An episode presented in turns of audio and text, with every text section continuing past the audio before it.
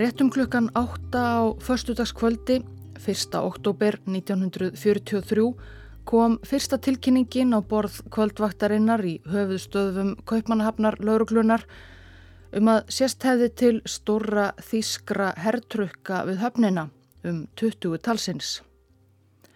Næstu tvær klukkustundirnar komu frekari tilkynningar, fleiri trukkar á ferðum götur dönsku höfuborgarinnar 30, 40, 50 í miðborginni á strykinu. Grænklættir herrlauruglumenn um borð. Þegar klukkuna vantaði tæpar 20 mínútur í tíu höfðu verið settir upp vegatálmar við helstu útgönguleiðir úr höfuborginni. Nokkru mínútum síðar áttuðu kaupmannahafnarbúar sig á því að það hafi verið lokað fyrir allt símsamband í borginni. Þetta var í oktober 43. Danmörk hafi verið undir þýsku hernámi í þrjú og hálft ár. Það var samt óvanalegt að sjá þennan fjölda þýskra herbifreiða á ferði hjarta hafnar. En þeir sem voru á vakt í höfustöfum Kaupanhafnar lauruglunar grunaði hvað var í uppsiklingu. Bóð voru látin út ganga til lauruglu þjóna og götumúti að halda að sér höndum. Með engum móti skildu þeir taka þátt í aðgerðum þýskra kollega sinna. Rett upp úr tíu kom tilkynningum að búið væri að loka vissum götum í miðborginni með keðjum og hópar þjóðverja færu hús úr húsi og kæmu út með fólk í haldi.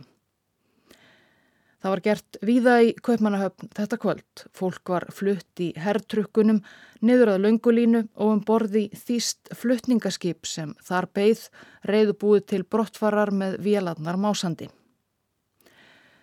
Rett fyrir eitt eftir miðnætti komst símsamband á aftur og aðgerðum var að mestu lokið. Ró færðist yfir höfn að nýju.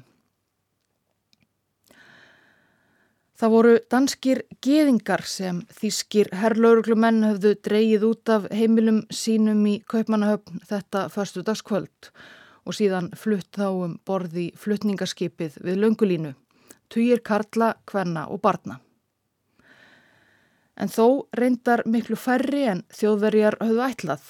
Því á flestum heimilunum þar sem herrlauruglumenn byggust við að finna gýðinga gripu þeir í tómt. Víðast hvar var engin heima, dönsku gýðingarnir höfðu orðið fyrir til og flúið.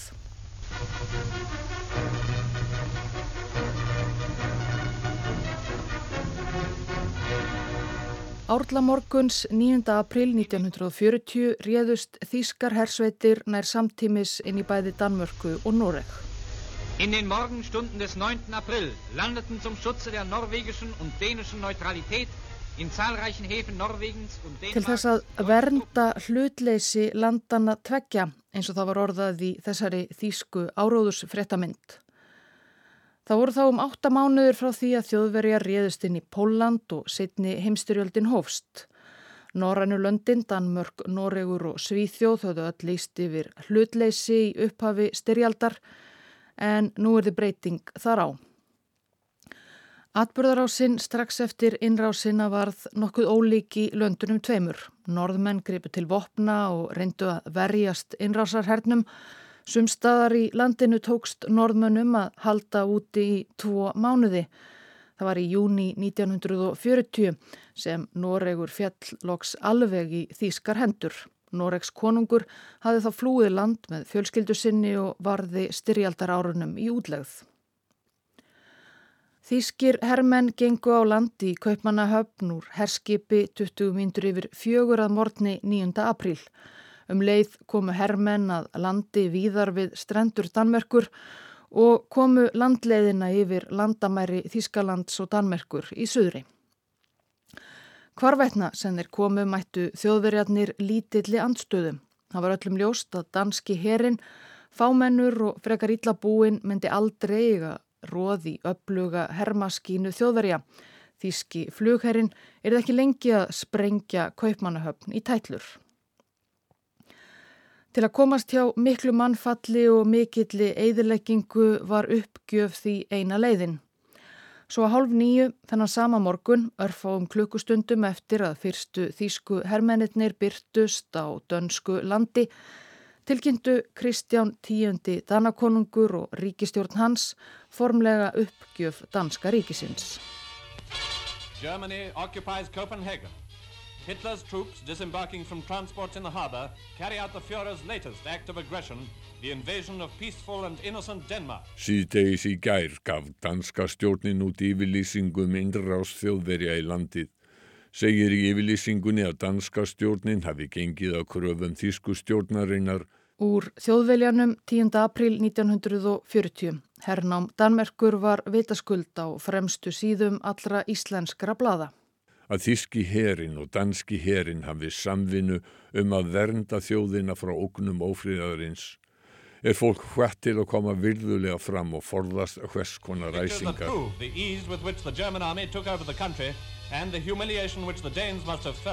Í Danmörku tók við hernám sem varð nokkuð óvenjulegt með að við afdrif margra annara Evrópulanda sem fjallu í hendur Þískalands í setni heimstyrjöld. Ríkistjórn Danmerkur gekk að kröfum þjóðverja um uppgjöf og fekk í staðinn að sitja áfram svo að segja óáreitt, Kristján Tíundi Danakonungur sumuleiðis. Danir myndu áfram fá að stjórna lang flestum sínum innanríkismálum sjálfur bara undir þýskri vernd eins og það var orðað og ákveðin þjóðfélagshópur í Danmörku sem þjóðverjar höfðu víðast hvar annar staðar ofsótt skildi líka látin í friði.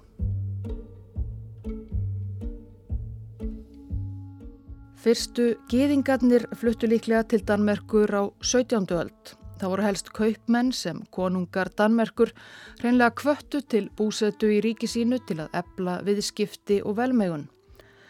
Síðar um aldamótin 1900 fluttust einnig til Danmerkur geðingar frá Rúslandi og löndum austanverðrar Evrópu á flótta undan ofsóknum heimaferir. Þegar komið var fram til ársins 1940 byggu í Danmörku á byrjunni 7 til 8000 geðingar. Ekki er vitað nákvæmlega hversu margir því ólíkt yfirvöldum í mörgum löndum Evrópu á þessum tíma heldu dönsk yfirvöld aldrei sérstaka skrá yfir geðinga landsins. Vel flestir geðingarnir í Danmörku voru líka vel aðlagaðir samfélagi hins kristna danska meiruluta. Litu eiginlega margir á sig sem mun meiri dani en geðinga. Flestir þeirra voru ekki heitrúaðir þótt fólk færi vissulega til sínagóku á stórháttíðum og held í einhverjar geðinglegar hefðir en alls ekki allar.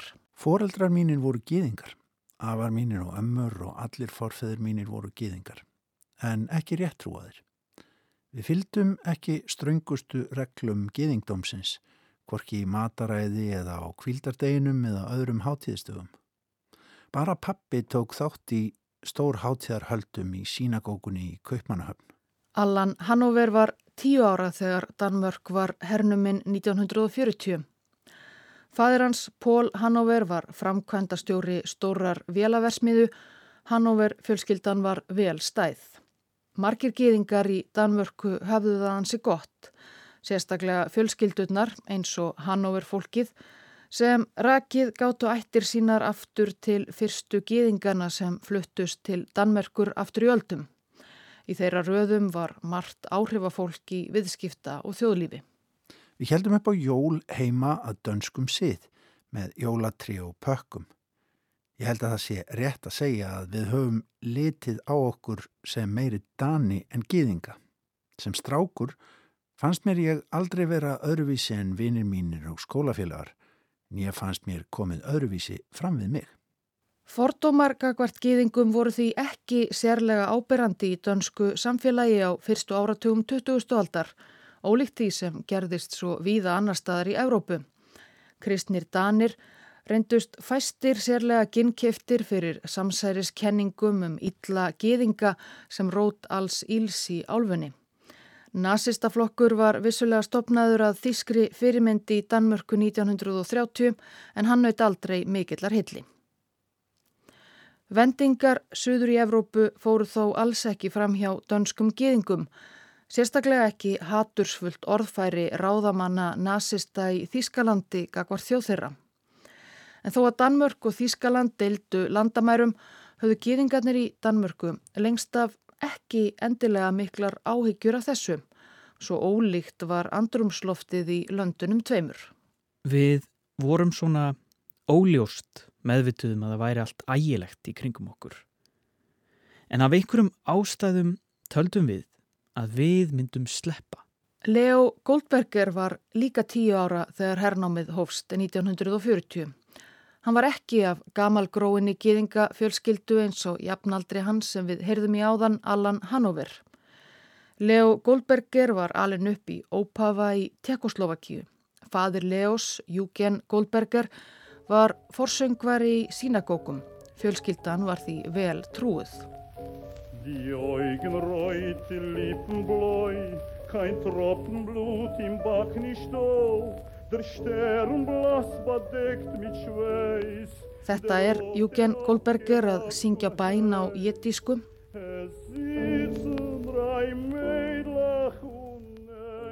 Árið 1934 varð Júgen Goldberger fyrir aðkasti úti á götu heima í Tjekkoslovakíu. Það var maður sem hrekti á hann fyrir var að löst. Það byggum margir þjóðverjar í Tjekkoslovakíu og margir þeirra voru orðnir hallir undir boðskap nazista. Goldberger var farin að taka vel eftir því. Hann hrættist í hvað stemdi og ákvað því að forða sér og fjölskyldu sinni. Júgen fekk vinnu sem forsöngvari við aðal sínagóku Danmerkur við Kristalgaði í miðborg Kaupmannhafnar. Atvinnutilbóðið gerði honum og fjölskyldu hans kleift að setjast að í Danmörku og þar voru þau ansi heppin. Á árunum eftir valdatöku nazista í Þískalandi og fram til upphafs setni heimstyrjaldar reyndi umtalsverður fjöldi geðinga frá Þískalandi, Östurríki og Tjekkoslovakíu fyrst og fremst einmitt að komast til Danmerkur. Líkt og Goldberger fjölskyldan á flókta undan vaksandi geðingahatri og ofsóknum. En fæst höfðu erindi sem erfiði. Innflytjandi að lágjöf Danmerkur var ströng og torsótt að fá landvistarleifi þar á þessum tíma. Flestir flótamannana fengu því sinjun þrátt fyrir talsverða neyð. Rétt eins og langt flestir þeir þýsku og teknesku gýðingar sem sótust eftir leifi til að setja stað í einum fjarlægum kima veldis Kristjáns tíunda Danakonungs á Íslandi. En það er önnur saga sem meðal annars var sögð í lestinni hér á Ráseitt fyrir nokkrum árum í örþáttaröð sem ber heitið á samviskunni. Het vergessen was amol, doch riechen wird mir geben kól, euch a kleinschig. Þegar þjóðverjar herrtóku Danmörku 1940 fór skiljanlega hrollur um Júken Goldberger, forsöngvaran í aðalsínagókunni í Kaupmannhöfn. Hann hafði jú kynst geðingahattrinu söður í Evrópu betur en flestir geðingar í Danmörku og ótaðist nú það versta að hatrið hefði eldan þangað. En það breytist raunar ekki margt svona fyrstum sinn. Þjóðverjar stóðu við orðsín um að leifa dönum að stjórna sínum innanríkismálum að mestu. Á hverju morgni reið sjötugur Kristján Konungur á hesti sínum um götur kaupmannahafnar, einn án lífvarða eða fyldarliðs til að blása þegnum sínum eldmóð og þjóðarstolt í brjóst þrátt fyrir þetta undarlega ástand. Leo Goldberger rak stundum á konungin þegar hann hjólaði í skólan, þá steig hann af hjólinu og neyði sig. Að öðru leiti hjælt líf Leos litla nokkurt veginn óbreytt áfram. Hann gekk í skóla, var í skátunum og spilaði fókbólta. Lífið gekk sinn vanagang. Tífóli var enn opið og var alltaf neitt bendi til þess að neitt óvinnlegt hefði gerst nema að það var mikið af vopnuðum gestum innan gæsalappa her og SS-mönnum út um allt og skriðdregum. Þetta var eins og í drungalegri sögu eftir Hási Andersen. Þetta var óraunmurulegt. Fadir hans helt svo áfram að syngja í sínagókunni við hefbundnar guðsjónustur og sérstök tilefni. Gýðingar Danmerkur heldu áfram að gifta sig og ungir gýðingapiltar og stúlkur að výjast til tölu fullorðina. Svona eftir á séð er enn óraunmjörulegra að líf okkar gýðingana hafi haldið áfram eins og venjulega. gýðingaklúpar, sínagókan og gýðingaskólinn sem ég var í, allt held þetta áfram eins og ekkert væri. Kanski ekki alveg eins og ekkert væri. Það var spenna í loftinu. Hvað geti gerst næst?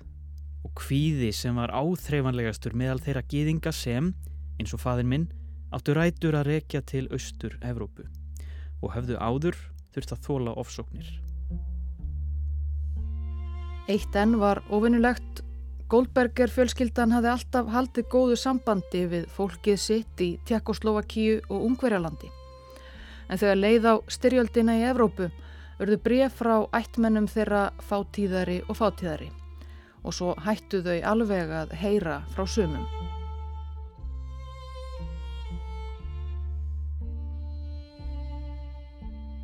Dönsk stjórnvöld gerðu vissulega ímislegt til að þóknast þýskum hernámsifurvöldum. Gaggríni á hernámið var til að mynda ekki vel séð í dönskum dagblöðum. Þegar Þýskaland réðist á Sovjetríkin í júni 1941 var kommunistaflokkur Danmerkur bannaður og fjórða hundrað þekktra danskra kommunista fangelsaðir að kröfu þjóðverja. En það voru engar lagasetningar eða aðrar aðgerðir til að skerða borgararéttindi gýðinga eins og gert hafi verið víða annar staðar á áhrifasvæðum nazistana. Þýsk hernáms yfirvöld voru vel meðvituð um það að það var lítil stemming fyrir gýðingaofsóknum í dönsku samfélagi, kvorki meðal almennings nýja aðstu ráðamanna. Danska stjórnin gerði raunar þá kröfu fyrir áframhaldandi friðsamlegu samstarfi með hernáms yfirvöldum að ekki væri hróplað við gýðingum Danmerkur. Það var fórn sem þjóðverjar voru þegar þarna var komið sögu til í að færa. Þeir vildu endilega halda þessu fyrirmyndar fyrirkomulagi sem danska hernámið var. Þýskir höfðu að nægu öðru að higgja í stríðsrekstrinum annar staðar og svo leit þetta líka vel út út á við. Sko, svo nærði öll Evrópa einn daginn spök og sátt undir þýskri stjórn.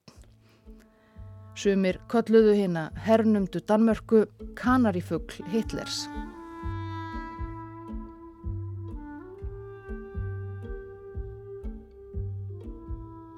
Danskur almenningur tók hernáminu þó auðvitað ekki fagnandi þó svo að aðstæður í Danmörku væri kannski betri en viða annar staðar. Og þegar leið á styrjöldina var þinn almenni Dani stöðugt ósáttari við lífið undir þýskri stjórn. Margir Danir hlustuðu á útvars útsendingar frá Breitlandi og Svíþjóð og fréttu þar af ósigurum þjóðverja á víguvöllum Evrópu og Norður Afríku Þískaland virtist vera að tapa stríðinu. Danskir ansbyrnumenn fóru að láta til sín taka með ímiskonar skemdarverkum og árásum á hernámsliðið. Og meðal þeirra sem buðu þjóðverjum byrgin voru djörf dönsk ungmenni. Þegar Leo Goldberger, sonur forsöngvarans, var komin á 13. ár 1943 var hann hættur að hafa jafn mikinn áhuga á fótbolta og skátastarfi og dreymdi nú helst um að láta til sín taka í dönsku ansbyrnunni.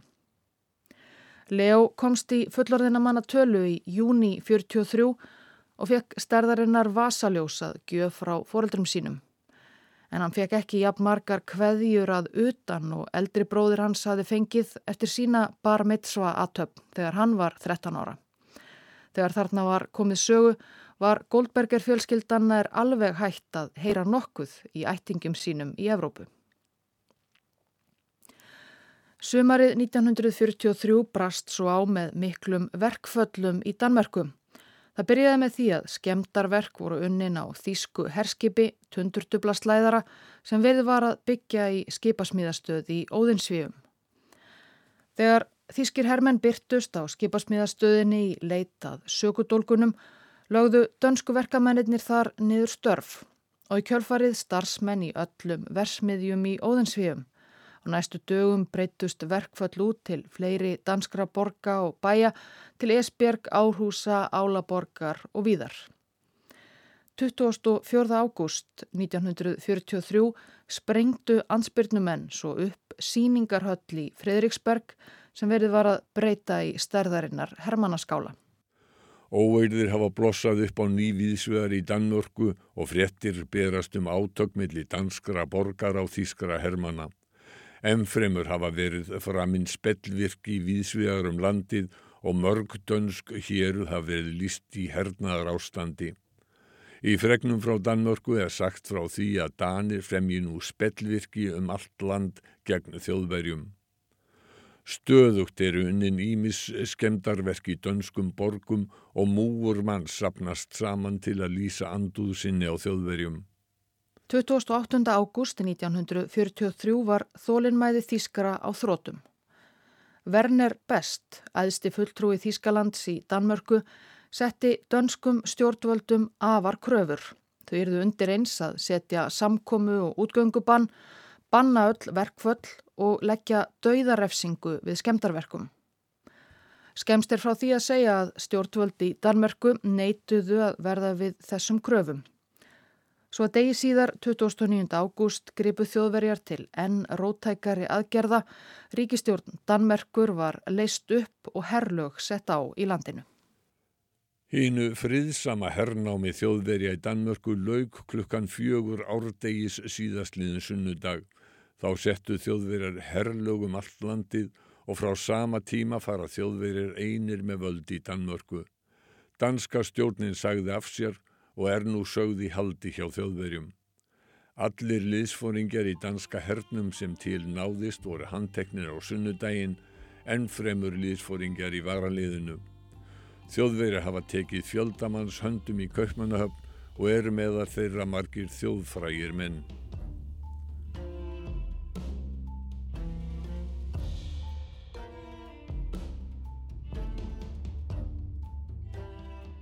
Werner Best hafði tekið við málefnum Danmerkur fyrir hönd ráðamanna í Berlín í november 1942.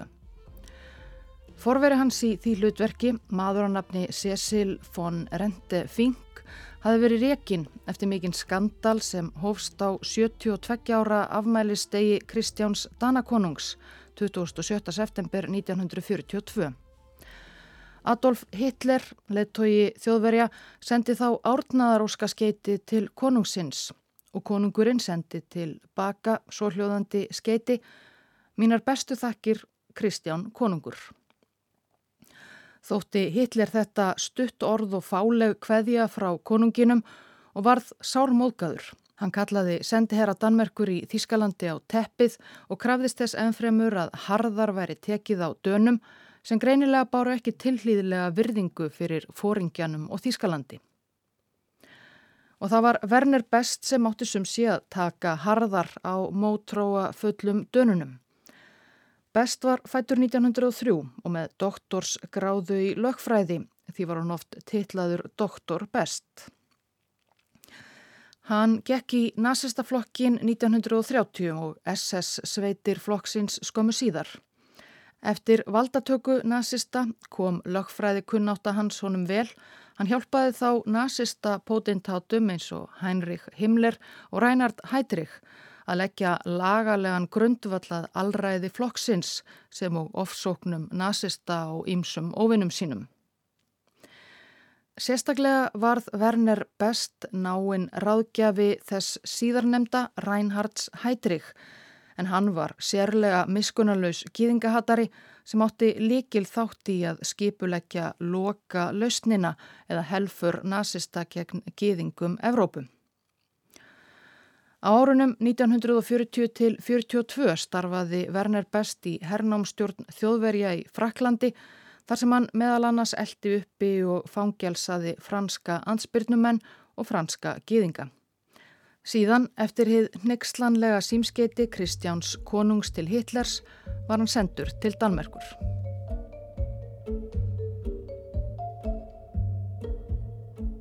Þegar þjóðverjar settu herrlög og tóku öll völd af dönum 29. ágúst 1943 hafðu þeir tilbúin lista með nokkur hundruð nöfnum fólk sem þeir vildu handtaka. Það var meðal annars þekkt ansbyrnufólk, stjórnmálamenn, bladamenn og svo einnig talsverður fjöldi gýðinga sem áberandi voru í dönsku samfélagi. Meðal þeirra var yfir rabbíni Danmerkur Max Frítiger. Hann var handtekinn strax 29. ágúst og var að endingu sendur í fangabúðir í Horseröð á norður Sjálandi. Kommunistarnir sem voru handteknir 1941 að undirlægi þjóðverja hafðu líka verið sendir þangað. Á nafnalista þjóðverja var einnig forsungvarinn í aðal sínagókunni í Kaupmannahöfn Júgen Goldberger. Þjóðverjar knúðu dýra heima hjá Goldberger fjölskyldunni í miðborg Hafnar um miðjanótt aðfaranótt 30. ágúst. Leo Goldberger, 13 ára, var heima með föður sínum og bróður. Ég vaknaði við að barið var harkalega á útidinnar. Það hljómaði eins og barið væri með bissuskeftum. Faði minn kom inn til mín og bróðu míns og kvíslaði að þjóðverjarnir væri fyrir utan og hann ætlaði sér alls ekki að opna dyrnar. Aldrei í lífinu hafði ég verið eins hrættur og á þeirri stundu. Það var barið stöðugt. Ég ótaðist að þeir myndu brjóta niður hurðina, hvað á hverju og grátt bað pappa að opna en hann var harð ákveðin í að gera það ekki. Svo á síðustu stundu heyrðum við rött nágrannans á hæðinni fyrir ofan segja þýsku hermönunum að við, Goldberger fjölskyldan, værum í burtu yfir sumarið og maður ætti ekki að vera með slíkan háfaða klukkan þrjúum nótt. Þýsku hermennir letu sér segjast og hættu loks að hamra á hurðina með bissuskeftunum en stiltu sér upp fyrir utan húsið og byðu. Júgen Goldberger forsöngvari flúði niður í kjallara með sinni sína og síðan síðar þennan sama dag með Leo og bróður hans út um bakdyrnar. Feðgarnir fóru norður til Helsingur þar sem eiginkona Júgen og mamma Piltana var í sumarhúsi sem þau höfðu vissulega tekið á leigu yfir sumarmánuðina. Þar beigð fjölskyldan svo í um tvær vikur. Þegar komið var fram í miðjan september ákváðu þau að snúa aftur til Kaupmannhafnar. Handtöku aldan sem hófst strax eftir að herrlaugin voru sett á virtist hafa gengið yfir. Nokkri töyir manna höfðu verið teknir höndum og fluttir eitthvað burt en flestir geðingar Danmerkur voru enn frjálsir. Svo þurftu börnin auðvitað að fara í skólan og Júken þurfti að vinna. Það hlaut að vera orðið örugt að snúa aftur.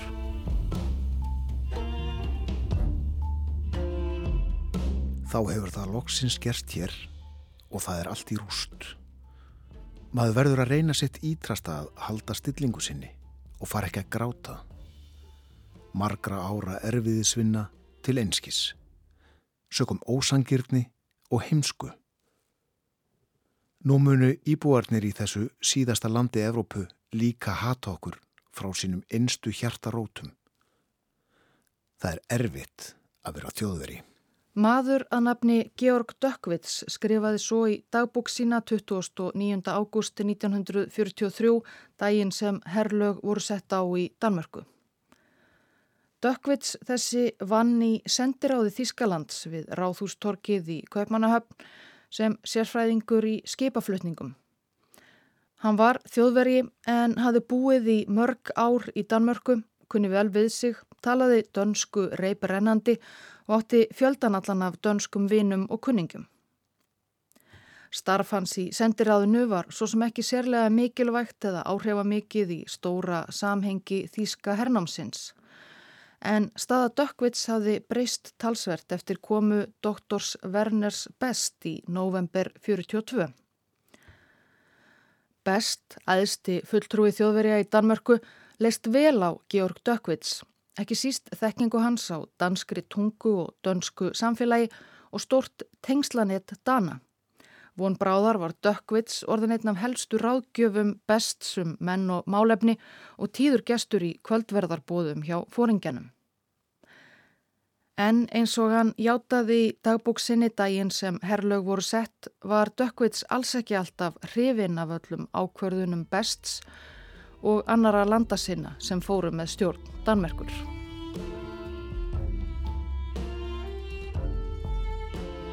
8. september 1943 tíu dögum eftir að þjóðverjar tóku öllu völd í Danmörku sendi Dr. Werner Best símskeiti til Jóakims von Ribbentrop, utaríkisráð þeirra Þískalands í Berlín. Það er mín skoðun að grípa verði til ráðstafana til að leysa gýðinga vandamálið nú á meðan núverandi neyðar ástand varir.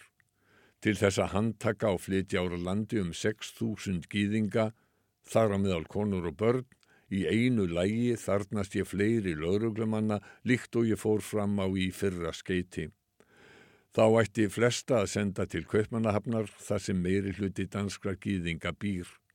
Fyrir fluttningana eru svo skip nöðsynleg og þarf að panta þau í tíma.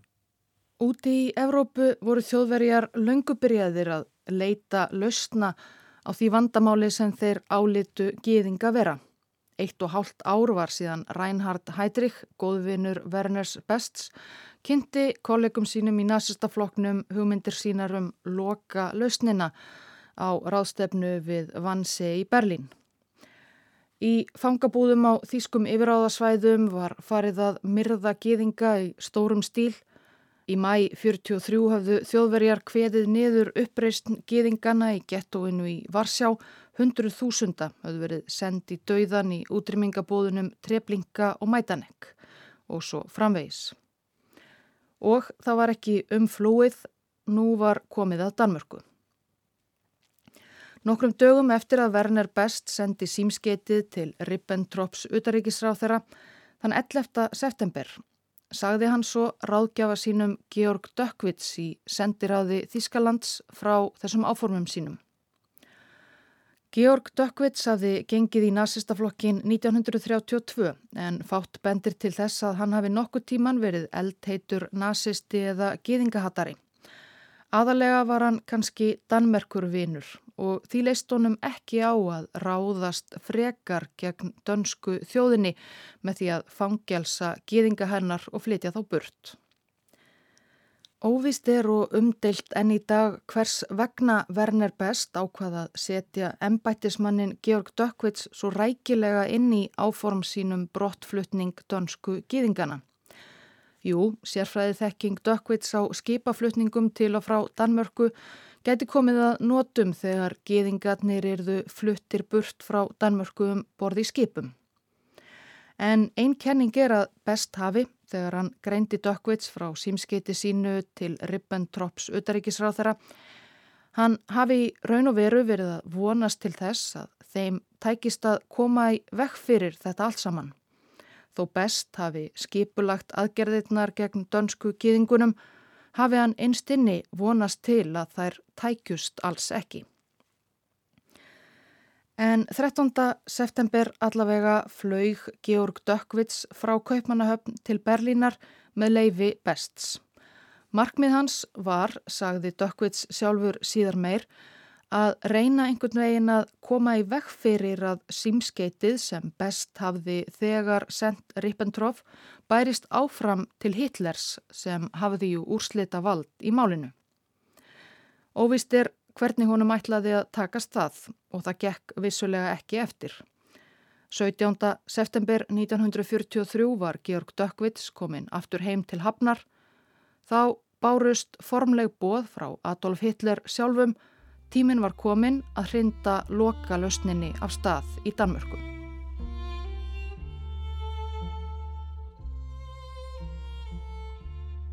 28. september kallaði doktor Werner Best, æðsti maður þýska hernámsliðsins í Danmörku, flutninga fulltrúan Georg Dökkvits enn og aftur á sinn fund. Það var komin dagsetning, saði hann, á aðgerðina. Aðgerðin gegn gýðingum Danmerkur myndi hefjast innan nokkura daga eða fyrsta oktober.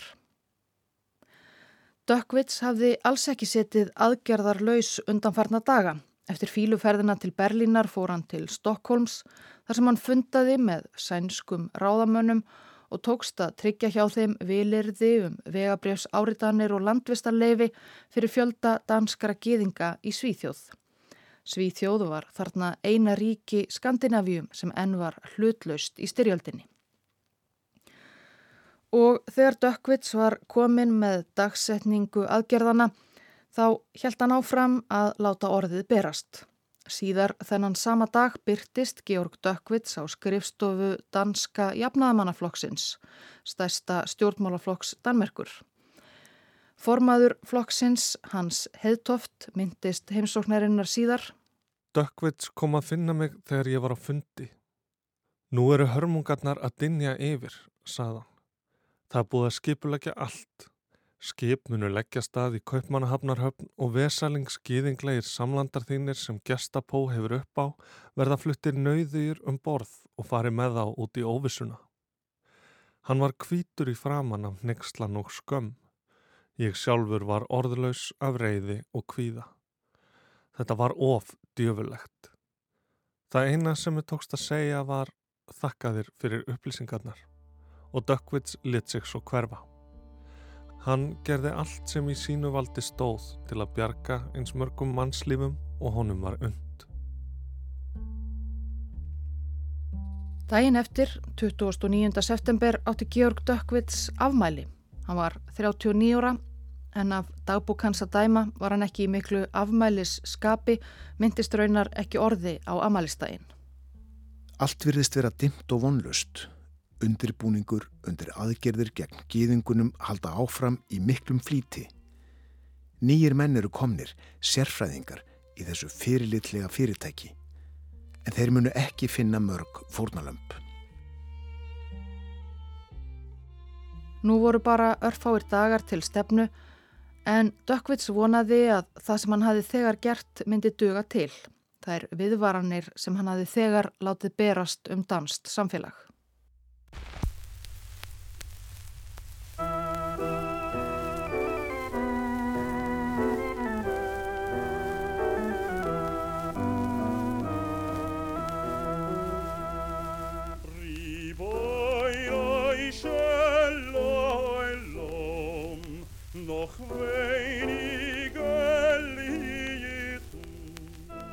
Þennan sama morgun 29. september 1943 söng Júgen Goldberger forsöngvari við morgun Guðsjónustu í aðal sínagókunni í Kaupmannhöfn. Sínagókan var fjölsótt þennan morgunin. Það var fyrsti dagur nýjársháttíðar geðingdómsins Ross Hasjana. Leo, sonur söngvarans, var meðal þeirra sem var viðstatur en Max Frítiger yfirrabbini var fjarrri góðu gamni hann satt enn í fangabóðum. Það var annar rabbini, Markus Melchiorað nafni, sem leitti morgun bænagjörðir. Síðan tilkynnti hann söpnuðu sínum að engar frekari guðsjónustur yrðu í sínagókunni yfir stórháttíðina. Ég hef miklar fréttir að færa. Í gær bárust mér fregnir um að þjóðverjar ætli að ráðast inn á heimili geðinga um alla kaupmannahöfn taka alla danska gýðinga og senda þá í fangabúðir. Þeir vita að það er Ross Hassana og fjölskyldur okkar verði heima.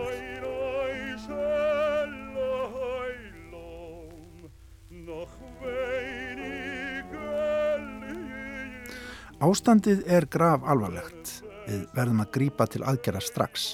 Þið verðið öll að fara og segja öllum ættingum ykkar, vinum og nágrunum, öllum gýðingum sem þið þekkið það sem ég hef hér sagt. Þið verði líka að tala við alla kristna vini ykkar og segja þeim að vara alla gýðinga við. Þið verði að gera þetta undir eins á næstu mínútum svo að allir viti hvað sé að gerast. Þegar náttar verðum við öll að vera komin í felur.